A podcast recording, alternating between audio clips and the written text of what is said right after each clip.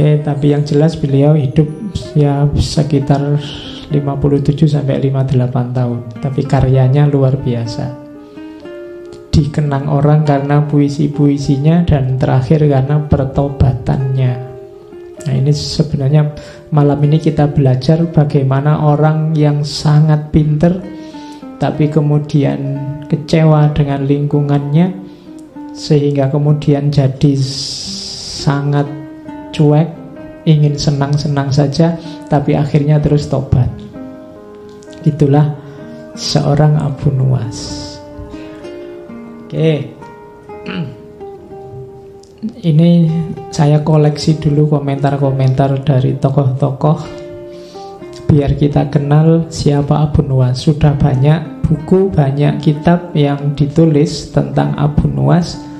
Malam ini saya banyak membawa dari diwannya, diwan Abu Nuwas. Itu yang banyak diteliti baik di timur maupun di barat. Selain buku yang lain. Itu beberapa komentar tentang Abu Nuwas. Yang pertama dari Abdurrahman Sidki. Katanya Abdurrahman Sidki, Abu Nuwas itu orang yang tolibul ladzat. Orang yang pokoknya nyari nikmat. Nyari seneng. Cuma katanya Abdurrahman Sidki, kelezatan yang dimaksud bukan kelezatan duniawi, tapi kelezatan intelek. Maksudnya apa? Dia suka kelezatan intelek, yang dia lakukan sebagian besar adalah berpikir dan mengkritik masyarakatnya. Jadi Abu Nuwas ini perilakunya adalah perilaku kritis terhadap masyarakatnya. Jadi Abu Nuwas sering nyindir masyarakat itu suka munafik, suka hipokrit. Kalau seneng tidak mau bilang seneng karena jaim. Kalau suka enak itu tidak mau bilang enak karena khawatir dengan keenaan itu derajat sosialnya turun. Itu yang sering dikritik oleh Abu Nuwas. Kita kan sering gitu hidup ini dengan gaya jaim. Jaim itu kan salah satu bentuk malu-malu tidak mau mengekspresikan kebahagiaan, kesenangan. Nonton apa padahal seneng Tapi kalau ditanya suka ndak Ndak ah itu tontonan itu membuat kita lupa akhirat Nah kita suka gitu Padahal ya seneng nah, Itu dikritik oleh Abu Nuwas jadi masyarakatku, masyarakatnya Abu Nuwas itu bagi Abu Nuwas banyak yang hipokrit, munafik. Enak tapi nggak ngaku, seneng tapi nggak ngaku.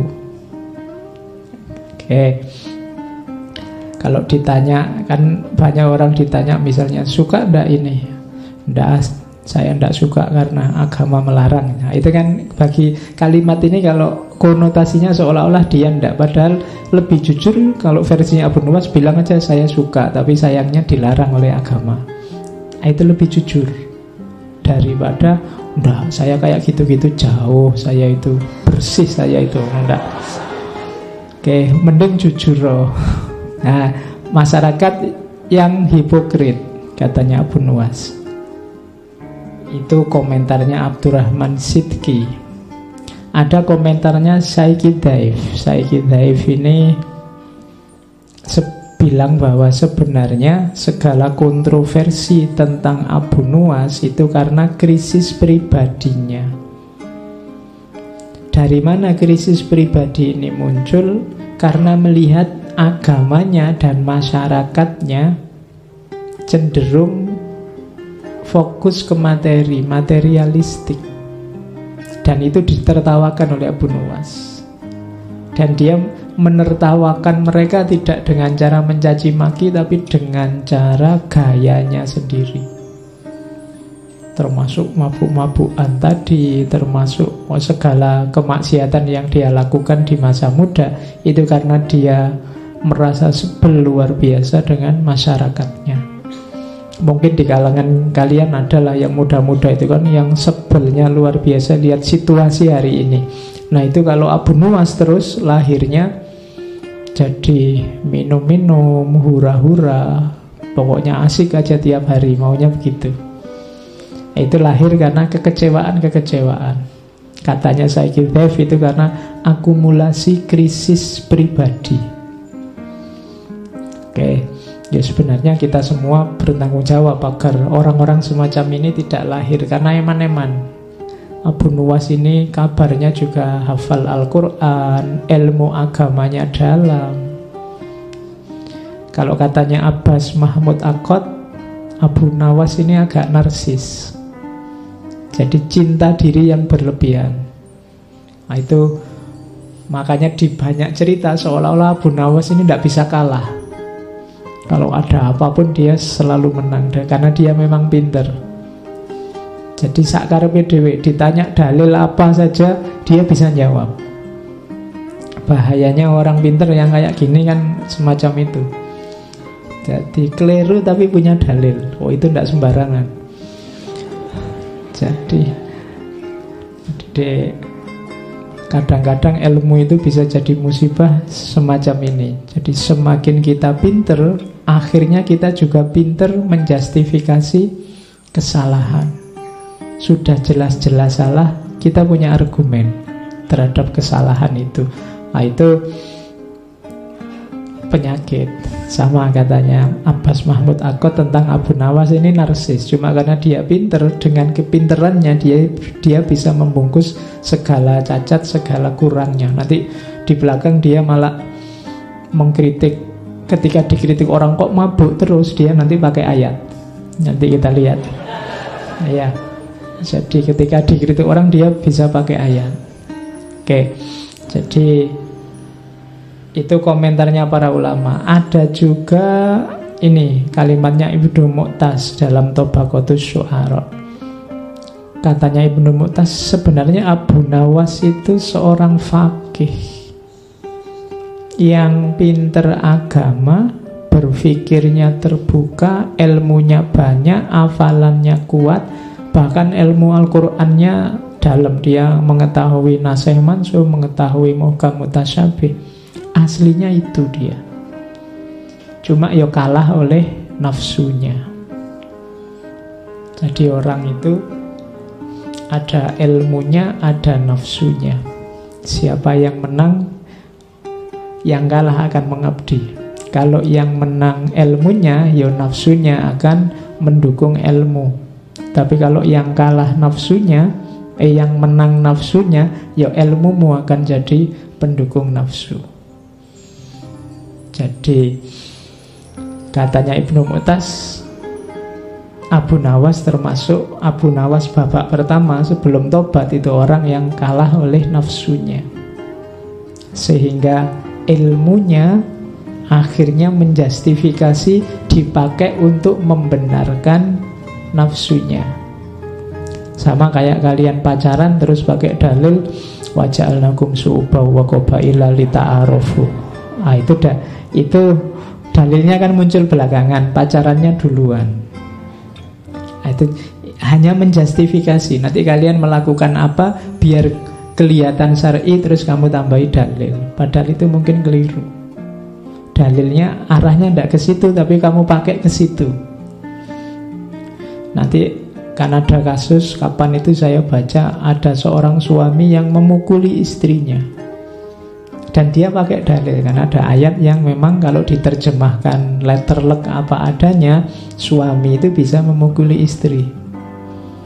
Fa'idhuhunna wahjuruhunna fil madoji wadribuhunna surat An-Nisa itu kan. Jadi suami bisa memukuli istri dengan dasar Al-Quran. Ah ini nah sebenarnya kan ingin mukulnya duluan.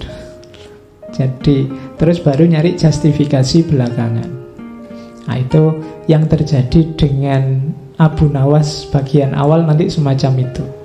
Meskipun Abu Nawas sendiri kalau ditanya Katanya Abu Nawas Demi Allah aku ini masih Islam.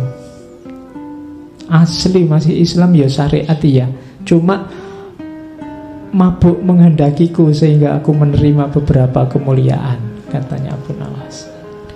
Bukan aku yang ingin mabuk Tapi mabuklah yang ingin aku ya oke jadi pinter ya ngomong ya Aku ini Islam, jangan khawatir. Hanya saja kalah oleh mabuk karena bukan aku yang datang ke mabuk, mabuknya yang datang padaku. Jadi kerjaannya tiap malam kalau bahasa hari ini Abu Nawas ini dugem. Seneng-seneng. Nah, jadi kalau nyari tokoh besar yang suka dugem antara lain Abu Nawas. Oke, kenapa sih lahir sosok seperti itu? Ada yang menganalisis situasi saat itu. Ini kan puncak-puncaknya kejayaan Abbasiyah. Masyarakat sedang jaya-jayanya. Banyak orang kaya mendadak, sukses mendadak, terus lupa diri.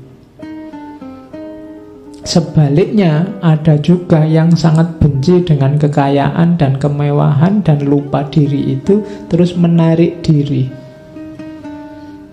Jadi ada yang ekstrim lupa diri, ada yang melarikan diri dari dunia. Ada ulama-ulama tertentu yang merasa bahwa dunia sudah rusak, dunia sudah kacau, maka dia menarik diri, menganggap dunia itu hina dan rendah. Sementara sebagian masyarakat yang lain yang dikejar kemewahan kekayaan. Kondisi semacam ini kalau versinya Abu Nuwas ini memuakkan. Dua-duanya tidak original. Abu Nuwas ini mirip kayak Nietzsche yang orang itu hidup hari ini versi dirinya sendiri. Kalau ingin seneng ya seneng aja. Kalau ingin apa ya lakukan aja.